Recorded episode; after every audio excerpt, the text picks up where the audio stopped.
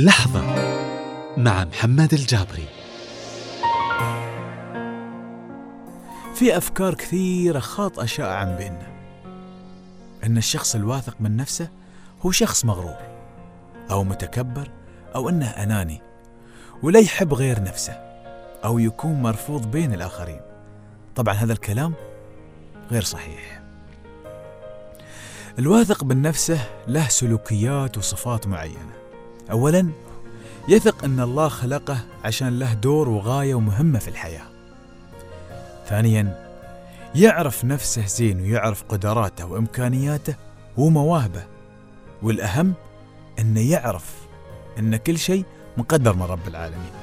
ثالثا يدرب نفسه وينمي مهاراته باستمرار لأنه يعرف لو وقف عن النمو بيبدأ في مرحلة التعفن. وكثرة المعرفة والتعليم بتزيده وتسقل من مهاراته. رابعا يتحكم في مشاعره وأحاسيسه ولا يسلم سلطة مشاعره لأي حد منو مكان هو الوحيد اللي يتحكم في عقله وفي مشاعره.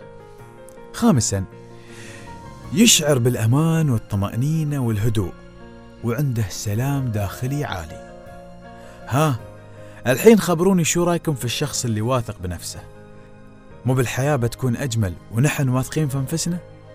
تذكر أن كل ما تلوم اللي حولك أو الظروف على الأخطاء اللي صارت لك أو سويتها هذا دليل على عدم ثقة. فدير بالك.